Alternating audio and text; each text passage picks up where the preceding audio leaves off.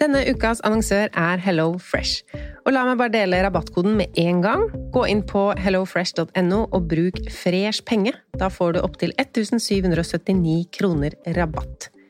Og i dag tenkte jeg å snakke om matplanlegging ut ifra et hva vil jeg egentlig putte i kroppen min-perspektiv. Altså ikke hva som er godt, men hvor mange ganger i uka vil jeg spise fisk, f.eks.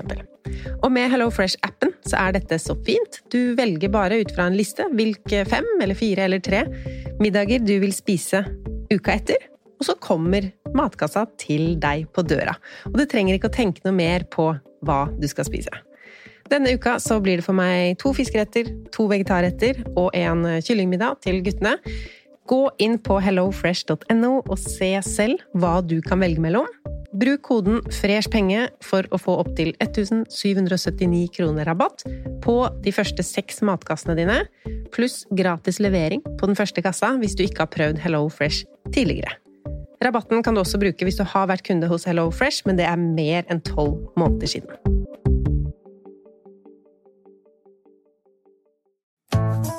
Har du et enkeltpersonforetak eller en liten bedrift?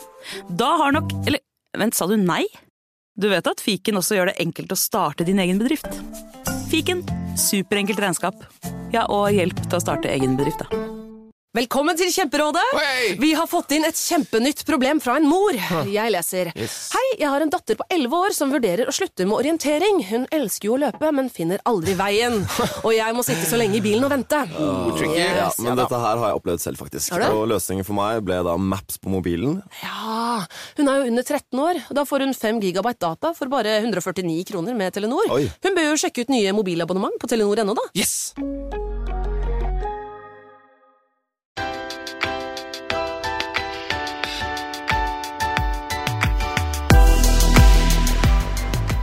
Velkommen til Pengesnakk podkast, og velkommen til nok en lytterepisode. Episoder hvor noen av mine lyttere forteller deres pengehistorie og perspektiver og sine tips til andre. Hvis du liker disse lytterepisodene, så legger jeg linker til de gamle lytterepisodene i eh, episodebeskrivelsen. Vi hadde en runde med lytterepisoder i fjor også. Men i dag Jeg har besøk av Guru Vanvik. Velkommen i studio. Tusen takk. Kan du fortelle hvor gammel du er, hvor bor du, hvem bor du med? Det kan jeg gjøre. Eh, Jeg bor på Bekkstua sammen med mannen min. Og inntil nylig begge barna, men nå har de flyttet ut og blitt voksne. Eh, Og jeg er 52 år. Er du mest glad i å spare penger eller bruke penger? Eh, Er du en sløser? Jeg er ikke en sløser, men jeg er glad i begge deler. Det, det skal jeg si. Og kanskje sløse litt av og til. Men jeg er også veldig glad i å spare, så det blir absolutt begge deler på meg der. Og du jobber som advokat? Ja, det gjør jeg. Eh, Jeg jobber som advokat i Telenor. Og har også jobbet eh, noen år tidligere i advokatfirmaer i Oslo. Og så vil jeg helt tilbake til da du var liten.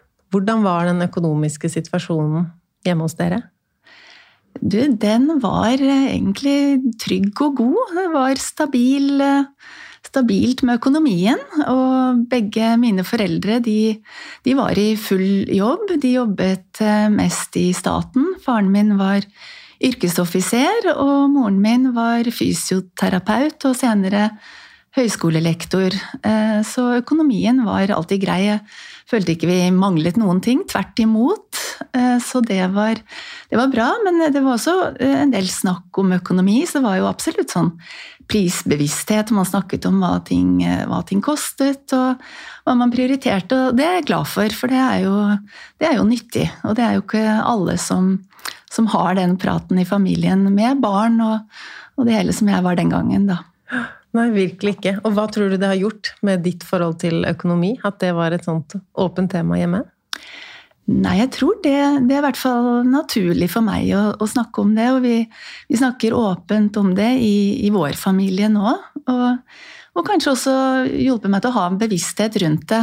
Og jeg studerte jo også økonomi, så jeg har jo alltid vært litt interessert i det. Jeg gikk ett år på BI for, for lenge siden, eh, før jeg begynte på, på den eh, utdannelsen som skulle bli styrende. Da. Jeg gikk jo på juss, men, eh, men det året var, eh, var interessant, så jeg har jo alltid hatt den interessen, egentlig. Og i forhold til dine egne barn, har du hatt noen sånne klare ja, sånn må jeg lære dem om penger? Har du hatt noen leksjoner med de to? Eh, Ja, jeg har vel, har vel egentlig det. Vi har alltid snakket litt om at, at det bør spares litt. Og vi har jo også snakket hjemme hos oss om økonomi og, og hva ting koster, og, og det samme egentlig som, som vi gjorde når jeg var liten. Eh, Og når barna ble større, og nå er de jo som sagt voksne, så når de ble litt sånn store ungdommer, så har vi også snakket om, om sparing, og jeg har jo prøvd å oppmuntre til, hvis de har fått en del penger, da, enten i gave eller de har jo hatt sommerjobber og deltidsjobber, og, og sånn, så har jeg alltid tipset om å prøve å sette av litt i BSU og litt på, litt på trygge fond, og, og, og også ha eh, litt til å si, kontosparing og litt til gøy, ikke minst litt til gøy. Det, det har jeg eh, predikert en del, så det, det har vi snakket om. Så eh, han måtte passe meg for ikke å si for mye, da, for jeg er litt engasjert i dette. Men eh, har de blitt eh, like, de to? Eller er, merker du at de har sin egen pengepersonlighet, selv om du har lært dem de samme tingene? Eh, ja, for de har jo inspirasjonskilder utenom meg og mange, tror jeg. Så, så eh, jeg tror eh, sønnen min har vel prøvd litt på enkeltaksjer og sånn, mens det har ikke datteren min, så vidt jeg vet. Dette er bare så vidt jeg vet, da. Men, eh, men litt forskjell har det vært, men også mye likt med de to. Etter det jeg kjenner til, da. Så. Og så sa du at du lærer dem om fond, og sånn var det ikke i din barndom at man begynte å sette penger i aksjefond. Nei, eh, når jeg vokste opp så var det jo ikke så mye sånt, rett og slett. Eh, I hvert fall ikke, hvert fall ikke i sånn vanlige familier. Så da var, jo, da var det jo eiendom, altså å investere i bolig og kanskje hytte og sånn som gjaldt. Og når det gjaldt andre typer investeringer, så var det jo eh, høyrentekonto og den slags. Eh, jeg husker jo det selv når jeg var eh, barn. Jeg hadde jo rød og blå postsparebankbok. En til øyrett og en til mer sånn brukskonto. Så, så det var jo det som gjaldt. Men det har jo skjedd veldig mye, mye siden det. Så, så det har utviklet seg veldig. Og hvordan lærte du om fondsinvesteringer og den verden der?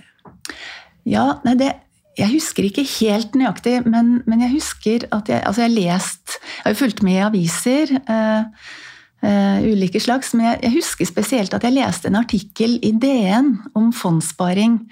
Uh, og det var vel en av de kvinnelige journalistene der som hadde en artikkel om, om fondssparing og, og hvor mye man kunne tjene på det relativt risikofritt. Uh, og hun hadde vel også, så vidt jeg husker, en vinkling litt sånn feministisk i forhold til at det er så få kvinner som gjør dette. Og det er så Det er mye eh, mye god investering som kvinner går glipp av, fordi de ikke går inn i fond på samme måte som mange menn gjør. Eh, Så, men jeg eh, var fortsatt litt skeptisk, så jeg, eh, jeg leste den, men den, den merket jeg meg veldig ved. Eh, Og så begynte jeg å lese og høre podkaster og sette meg enda mer inn i det. Og så begynte jeg selv da med, med aksjefond omkring 2018, tror jeg det var. Ja. Så skrev du til meg at dette kunne jeg hatt glede av i 30 år, hvis du hadde visst om det tidligere. Ja, og det, det er kanskje ikke sant, jeg vet ikke hvor utbredt det var for så lenge siden, men, men, men dette her eh, altså, Jeg skulle ønske jeg visste om dette før, rett og slett. Eller hadde, hadde satt meg inn og, og, tilegnet meg den kunnskapen tidligere. fordi det, alle har jo noe å spare. Altså, jeg var jo student i mange år, og når du er nyutdannet, og sånn, så har du jo ikke akkurat så mye å, å investere og spare. Men, men alle monner drar. Hvis man begynner litt tidlig med et lite beløp, og så kanskje forsiktig øker på ettersom eh, situasjonen forbedrer seg, økonomien forbedrer seg når du går fra, fra student til nyansatt og til å ha jobbet noen år i arbeidslivet og til å ha jobbet enda flere år i arbeidslivet, så, så kan man øke på den. Og det er jo denne eh, rentes renteeffekten, eller denne, den effekten om at dess mer man sparer, dess mer, eh, dess mer gir, av, gir avkastningen av seg etter hvert. Det, det kan jo vokse veldig, så om å gjøre å begynne tidlig der, det har jeg tenkt eh, på. Men så er det jo aldri for sent, heldigvis. Så selv om jeg har passert 50, så, så er jo dette absolutt eh, veldig lønnsomt og kan være det lenge. Så, og ikke minst eh, gøy og interessant da, å følge med på, på de ulike mulighetene som ligger i, i ulike investeringsmuligheter. Men tenker du nå at det er vanskelig?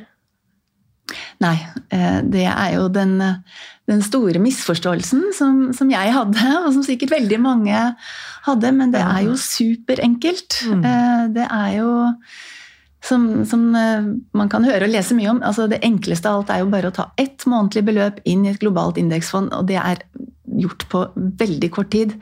Eh, så, så det er jo kjempelett. Eh, så, men jeg har jo utvidet interessen, så jeg har jo prøvd på, på, mange andre ting enn det også, for det er, det er, så spennende når man først begynner å sende seg inn i det. Lese, utforske, prøve seg litt. Så, så er det mye spennende å prøve å lære. Så det Og fordelen med det du sa, hvis man begynner tidlig, selv om man ikke har så mye å spare, da er det jo også sånn at det er ganske små beløp man går inn med. Så da er det jo heller ikke så risikabelt når det er snakk om noen hundrelapper. Jeg var jo sånn treig og redd for risiko, og det var jo først når jeg hadde nesten nedbetalt boliglån og lurte på hva skal jeg bruke de pengene jeg pleide å betale ned på boliglånet. Og så turte jeg å begynne å investere, men da var det jo det snakk om 15 000-20 000 kroner i måneden. Og da ble terskelen veldig høy for å tørre, men noen hundrelapper, det er jo ikke skummelt. Nei, nei, slett ikke. Og jo, man kan jo begynne veldig forsiktig hvis man, hvis man vil det. Jeg trodde jeg, jeg har prøvd ulike plattformer, eh, fire-fem stykker, eh, og jeg trodde minstebeløpet var 300, men det viser seg at noen har jo minstebeløp på 100, og da, da blir det jo enkelt å, å, begynne i det små, da. Og det er nok eh, stort flertall som har 100 kroner i måneden, i hvert fall, til å, til å begynne å sette fast inn. Ikke sant. Tenk sånn, Hvis du har råd til å ha ett TV-abonnement en kanal, så har du også råd til å mm. teste deg i aksjemarkedet. Eh, men hvordan har det vært for deg? Du var student lenge, sa du, og så begynte du i jobb og fikk en ordentlig lønn. Hvordan føltes det? Ble du rik da? ja, nei, det, det, føltes jo på en måte sånn. Altså I studietiden så, så, så hadde jeg det vel og bra. Jeg, altså, jeg hadde jo lån og stipend og deltidsjobb og sommerjobb og alt det der, så det, det gikk jo rundt. Men, men likevel så var det jo en eh, studenttilværelse. Så så overgangen fra å være student til å ha en, eh, en fast jobb, den, den, var stor. Eh, men i det eh, Cirka samtidig så, så, kjøpte jo vi vår første bolig også, jeg og mannen min, så vi gjorde jo den investeringen. Men, men da, da, tenkte jeg at det, det, var en fin investering, og da tenkte ikke jeg på å investere noe mer. Da syntes jeg bare var så gøy å være ferdig med studenttilværelsen. Så da tenkte jeg ikke på noe annen sparing enn å eh, kvitte meg med studielån og ha investert i bolig. Og, og sånn ble jeg tenkende egentlig lenge. Eh. Og Var det noe spesielt som skjedde? At du begynte å tenke hva skal jeg gjøre for noe smart med pengene mine? Eh, nei eh, det, det, gikk jo til eh, holdt på å si, familie, hjem og alt, alt eh, det holdt på å si, pleier å gå til eh, sånn gradvis. Vi kjøpte jo en leilighet og en til, og så flyttet vi til et hus og osv. Så, videre. så Så sånn annen type sparing, det, det har jeg ikke egentlig tenkt grundig på før nå de siste årene, men jeg har jo alltid spart noe. Jeg har alltid hatt en buffer, jeg har alltid hatt en reserve. og jeg er jo egentlig veldig sånn risikoavers. Jeg har alltid hatt litt høy rentekonto. Jeg har jo hatt litt uh, sånne ting, da, men, men ikke sånn uh, type aksjefond. Uh, aksjefond og enkeltaksjer, det, det, har jeg egentlig tenkt på som noe sånn veldig skummelt og risikofylt. Men, men det er det jo ikke nødvendigvis. I hvert fall ikke aksjefond, og i hvert fall ikke indeksfond og visse typer indeksfond. Eh, det er jo noe helt annet med enkeltaksjer, som jeg også har prøvd. Eh, der, der finner jo du den risikoen som virkelig gjør at eh, pengene kan bli helt borte. Men det er jo den store forskjellen på det også som jeg ikke har tenkt så mye over for noen år tilbake. Mm. Men du skrev til meg også at du har hatt kredittkortgjeld? Ja. Jeg ser ikke hvor det passer inn i det. Høres ut som du har hatt liksom, gode tanker og vaner rundt penger og bufferkonto. Og... Ja, da, ja, nei, jeg er egentlig veldig sånn traust og stabil, så, så, så det, det, er helt riktig. Så det, det med kredittkort, det, det, kom faktisk også av at jeg brukte det der hvor man egentlig skal bruke det. Altså sånn type reiser for å få reiseforsikring og, og, og visse kjøp hvor, hvor, det kan være bra å bruke det kredittkortet. Så, så, så, så, det gjorde jeg der hvor det på en måte var anbefalt. Eh, men så så, så, var jeg egentlig bare litt sånn treg og sløv og tenkte ja, ja, den kredittkortgjelden kan jo bare stå der. Så jeg bare lot den stå og tenkte ikke noe mer over det. Men øh, jeg har alltid hatt reserver, jeg har alltid vært risikoavers. Så selv om den bare sto der, så visste jeg at jeg hadde alltid mer likvide midler, øh, så jeg kunne kvitte meg med den når som helst. Men jeg tenkte at det var ikke så farlig. Så jeg bare lot den stå der. Ehm, og det var jo ikke veldig store beløp heller, men jeg tenkte jeg har jo mye mer enn det, så det gjør jo ikke noe. Jeg var rett og slett bare Rentene hadde du ikke tenkt på? At det er så høy rente på det? Nei, jeg visste at det var litt, men jeg tenkte det er jo ikke så mye. Jeg, jeg Nei, og hvis det ikke var så store beløper, så ser ikke beløpene på rentene heller så høye ut. Nei, men så eh, ikke det er jo unødvendig. Det var litt i måneden, og ja ja, tenkte jeg, det er ikke så farlig, jeg har jo god råd til det. Jeg kunne, kunne ordnet med det når som helst. Så så når jeg, men når jeg ser på det litt i retrospekt, så var det jo bare utrolig dumt. Så, så, på et eller annet tidspunkt, og det var vel det tror jeg var inspirert fra en podkast eh, hvor, eh, hvor, jeg bare ja, men dette er, jo, dette er jo bare for dumt. Eh, jeg snur det. Så jeg snudde helt om. Jeg på en måte våknet opp av denne tregheten og bare fikk cashet inn disse kredittkortene. Og skaffet meg noen nye, som, eh, sånn at jeg i stedet for å betale ut renter, så oppnår jeg nå bonus og cashback. Så i stedet for å betale ut renter på kredittkort, så får jeg inn penger i bonus og cashback. Og det er jo mye morsommere. Og så er heller ikke det selvfølgelig noen store penger, eh, i, men, men, i det lange løp gjennom årene så blir jo det også litt. Og, og, og så er innsatsen så liten, ikke sant? om jeg ja, betaler med det røde kortet eller det blå kortet. Det er akkurat det. Og, og, uansett en bedre følelse da enn å bare betale noe ut uh, sånn sløvt, så, så, tikker det noe inn. Så det er jo Det var en god switch. Ikke av de store, men uh, like fullt en god switch. Og etter du oppdaga investering og den verden, så har du blitt litt hekta på sparing? Stemmer det? Ja, øh, veldig. Jeg syns jo det er så spennende, og jeg ser jo at det, det har kastet godt av seg. Men jeg har jo også prøvd noen eh, dårlige, dårlige, eh, perioder. Jeg begynte jo som sagt Jeg tok en, en, eh, slump av den reserven jeg hadde i 2018, og, og tok noen globale indeksfond og noen litt forskjellige fond da. Jeg syns det gikk litt tregt, men det tikket da oppover. Så tenkte jeg ja, får se hvordan dette her går. Og så kom jo koronakrakket. Og da stupte det vel, jeg husker ikke 30-40% det var voldsomt. Eh, ja, det var liksom fra en dag til den neste? Ja. det var... Eh, og da skulle Jeg var egentlig litt overrasket, fordi som sagt, jeg er risikoavers, og jeg så jo dette stupe. Men, eh, men, jeg hadde jo da nettopp satt meg veldig grundig inn i dette. og liksom, Ja, det kommer til å gå opp og ned, og det, dette må man være forberedt på. Så jeg hadde liksom stålsatt meg litt da, for at dette her skulle skje.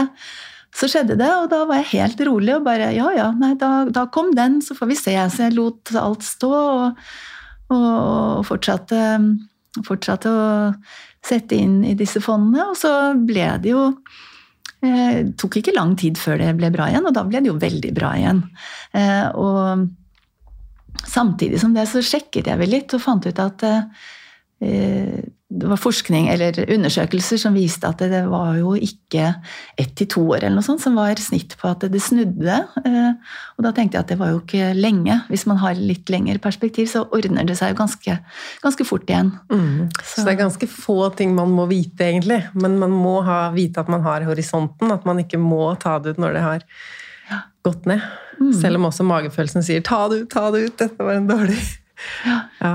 Ja nei da, altså, men, men og Eh, jeg er jo fortsatt nå, nå, eh, nå, har det jo vært mye snakk om resesjon i det siste. Eh, så, så, nå har jeg også vært litt forsiktig med vektingen. Jeg kan si det, altså jeg aldri, Fra 2018 så har jeg aldri gitt opp fondssparing. Det har jeg ikke gjort. Men jeg vekter den litt ulikt, så, så nå har jeg faktisk Eh, litt mer i høyrente enn jeg hadde før. Fortsatt mer i, i fondssparing, men, men, jeg på en måte vektet det litt om sånn at den høyrentesparingen er høyere enn før i tilfelle dette resesjonen skulle slå til på et eller annet tidspunkt. Så. Og forskjellen er jo også at nå er det høyere renter på høyrente. Ja, det òg. Det også. Ja. Mm. Men du skrev til meg at du har satt sparingen i systemer med måned, uke og dag. Hva er det du gjør med pengene dine? Ja. Når lønna kommer inn, ja, hva ja. gjør du da? Ja, nei, det, det, er noe jeg har funnet på, si det, det, siste er noe jeg har funnet på for ikke så lenge siden, men det jeg har hatt fast alltid. Eller ja, jeg har flere faste ting. Eh, men ja, når, når lønnen kommer inn, så, så går jo eh, en stor bolk alltid til det som er eh, familiens fellesøkonomi. Det, det det, det, ruller og går som vanlig. Det har jeg og mannen min hatt helt fra vi ble samboere. Så har vi alt som går til uh, familieøkonomien og hus og bil og alt sånt. Det, det bare ruller og går. Uh, og så har vi hver vår uh, privatøkonomi i tillegg. Og, men, Unnskyld at jeg avbryter, men ja. hvordan fant dere ut hva som var rettferdig å gjøre felles, og også hvor mye hver av dere skulle betale inn? Tjener dere ca. likt, sånn at 50-50 er naturlig? Ja, det, det gjør ja. vi. Altså, dette har vært veldig superenkelt for oss, egentlig. Altså, vi, jeg husker ikke hvor lenge vi hadde bodd sammen, men vi, vi fant ut at nei, vi kan like så godt ha felles, og så har vi hatt 50-50. Det har vi bestandig hatt. Eh, og, og vi har vært stort sett enige om hva det går til. Det er alle de vanlige utgiftene en familie har. Så det, det, har vært greit. Og hvis det er litt større ting, så har vi snakket om det og blitt enige om hva vi skal prioritere. Så, så det har vært eh, veldig, veldig ryddig og veldig, veldig greit hele veien. Har det vært noen perioder hvor en av dere har vært hjemme med barn lenger, eller at dere har måttet Eh, nei. Eh, vi har jo tatt ut de vanlige permisjonene man kan. Og så var det en litt hektisk periode hvor barna var litt små små, litt syke. Da jobbet vi litt redusert begge to. Vi hadde vel 80 eh, Jeg husker ikke lenger. Et år kanskje hver, eller noe sånt. Så, ja, så når men, det var begge men, to, så ja, ble jo det. det, ble, det vi har gjort det sånn ganske likt. Eh, så det har vært veldig greit. Så, men, men, alle de andre eh, tingene så har jeg jo gjort på, på egen hånd. Og der har jeg da eh, det som går utenom, da, kan du si, så har jeg tatt eh, noe på fondssparing, noe på høyrente. Eh, og så er jeg, med i et sånt aksjeopsjonsprogram på, på jobben. Og så driver jeg litt sånn småsparing. Og det er vel det du nevnte sist, sånn derre månedlig, ukentlig. For jeg, jeg setter av en pott som jeg bare kan bruke til mitt forbruk, enten jeg skal på kafé eller reise eller handle, handle klær eller gaver eller ting og tang. Eh, så har jeg en, satt av en slump til det eh, månedlig, som man kunne dele i fire og tenke ukentlig.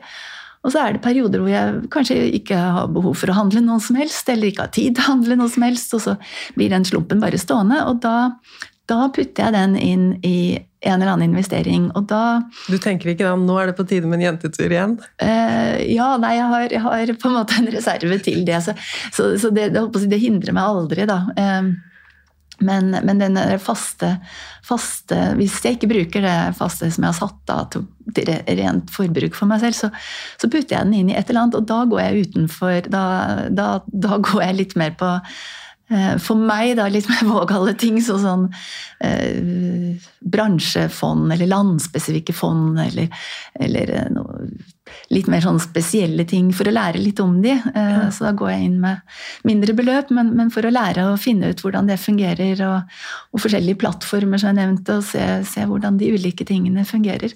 Så, så, det blir litt sånn det lille spenningsmomentet. Det andre ser jeg på som relativt eh, relativt safe investeringer da, som, som, skal tikke og gå over lang tid, og så blir de andre litt sånn Så jeg kan skyfle litt rundt på. Ja. ja.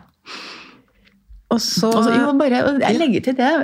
Det, det gjør meg jo litt bevisst òg, for skal jeg liksom Altså, man kjøper jo veldig mye man egentlig ikke trenger, som man har mye av fra før hjemme.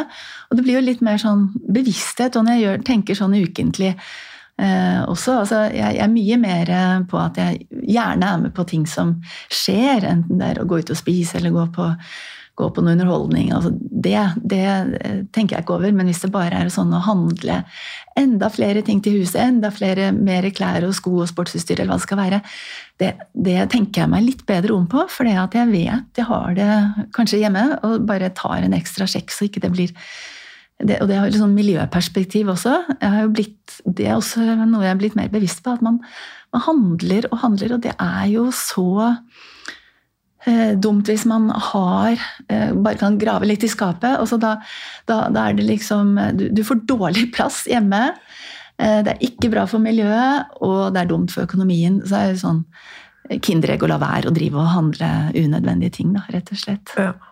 Og det er noen ting sånn som vaser, liksom. Det er mange fine vaser, men fyller opp skapet. Så du får aldri så mange blomster ved en gang. Kanskje med unntak av når du dør, og da får du ikke sett dem uansett. Nei, ikke sant. Og så mister du jo kontrollen på hva du har. Hvis det hauger seg opp med ting, så, så, finner du jo ikke det du skal til slutt. Um, du har vært med på Frossen februar et år. Og når denne episoden sendes, så er det februar. Er det noe du kan anbefale andre ja, den å prøve kan jeg anbefale. Apropos bevisstgjøring og hva man, hva man finner ut man kan eh, fint være foruten. Både, både sånn økonomisk sett, og det er også litt sånn miljø og gjenbruk og, og ja, det er en veldig bra ting til å bevisstgjøre seg på sin egen økonomi. Så, Hva gjorde du, da? Nei, jeg, jeg fulgte den, og, og, og jeg, jeg, fulgte vel hele opplegget og bare skrev opp dag for dag. Eh, men jeg tror jeg nesten ble litt sånn bevisst med en gang den begynte. Mm.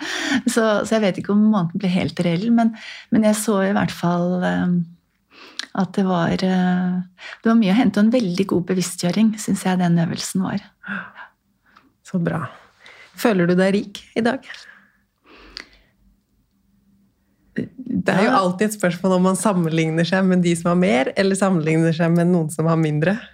Ikke sant? Ja, eh, ja det Og hva skal jeg si? Jeg, er veldig fornøyd med, med situasjonen. Jeg, jeg, føler meg jo eh, privilegert. Eh, jeg syns, det er eh, Jeg har jo alt jeg trenger og mer til. Eh, også nå som Jeg syns jeg egentlig alltid har hatt. Så, så, men jeg, jeg, føler meg jo ikke sånn eh, sterkt formuende eller, eller, noe, men, men jeg, jeg, føler meg jo, jeg føler meg jo også rik på den måten jeg faktisk har de, alle de mulighetene jeg har til å spare. Det er jo ikke alle som, som har det.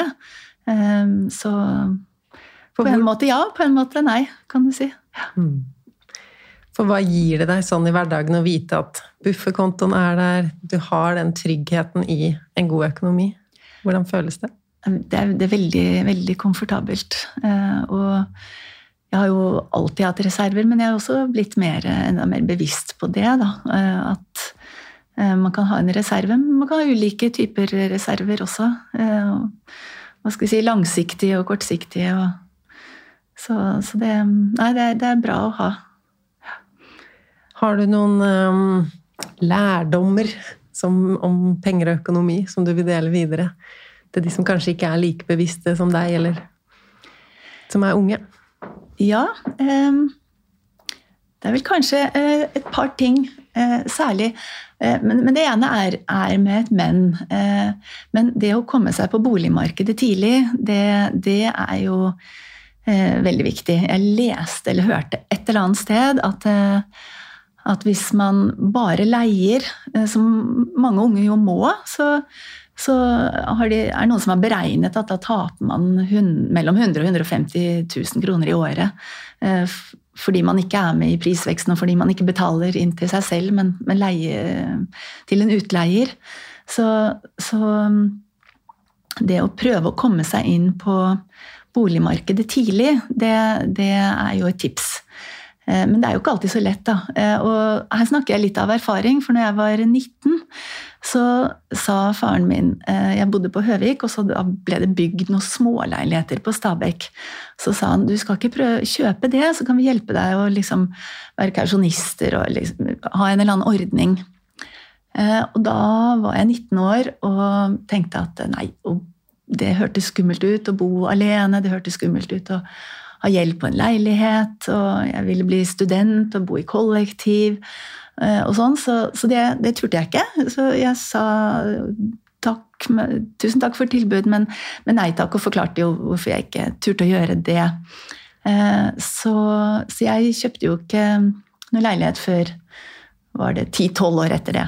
Mm. Uh, og det var en periode hvor eiendomsprisene jo gikk rett i taket. Så, så økonomisk sett så, så, skulle jeg jo hoppet på det tilbudet, eh, som var sjenerøst og fint. Men så er det et stort men der, for jeg hadde jo Jeg studerte jo flere år og hadde eh, veldig hyggelig tid. Jeg hadde bokollektiv med flere gode venninner som både om barndomsvenninner og studievenninner, som er venninner den dag i dag. Så, så det var jo på en måte det er jo ikke bare den økonomiske siden i det. Jeg hadde veldig stor glede av den studietiden, å bo i kollektiv. Så, så, så det veier jo egentlig opp. Men, men, sånn rent eh, økonomisk sett så hadde det jo lønt seg å gå tidlig inn. Så det er i hvert fall noe ungdom bør tenke på, eh, tenker jeg. Og i, i sammenheng med det selvfølgelig da også prøve å, å spare BSU fra tidlig. Både barn og, og foreldre kan bidra der. Det tenker jeg er et tips. Ja, benytte seg av det. Mm. Hva slags eh, Du sa jo at du nå er veldig sånn eh, med innkjøp, at du tenker deg om. Trenger jeg det virkelig? Litt sånn minimalismetankegang, eller kjøper ting brukt. Men hva slags andre sparegrep er det du bruker fordi du heller vil investere enn å bruke opp? Er det noe med maten eller klær, eller ja, jeg er rett og slett bare litt mer sånn prisbevisst. Sjekker sjekke litt, eh, litt mer på priser eh, på, på, alt som skal kjøpes inn. Sjekke litt mer. Før så sjekket jeg lite, det må jeg innrømme. Så, så det er jo én ting. Og, og, det andre å, å, sjekke hva man faktisk har før man, før man tar den løp og kjøp-teknikken. Ja, gode tips. Mm. Tusen takk for at du kom og delte fra din økonomi og dine erfaringer. Jo, veldig hyggelig å få være her. Og til deg som hører på, om det er i Spotify eller iTunes, trykk på abonner, så går du ikke glipp av de neste intervjuene i denne serien eller andre podkaster jeg lager. Ha en god uke. Vi høres igjen neste mandag her i podkasten, og fram til det så er jeg å finne på sosiale medier under navnet Pengesnakk.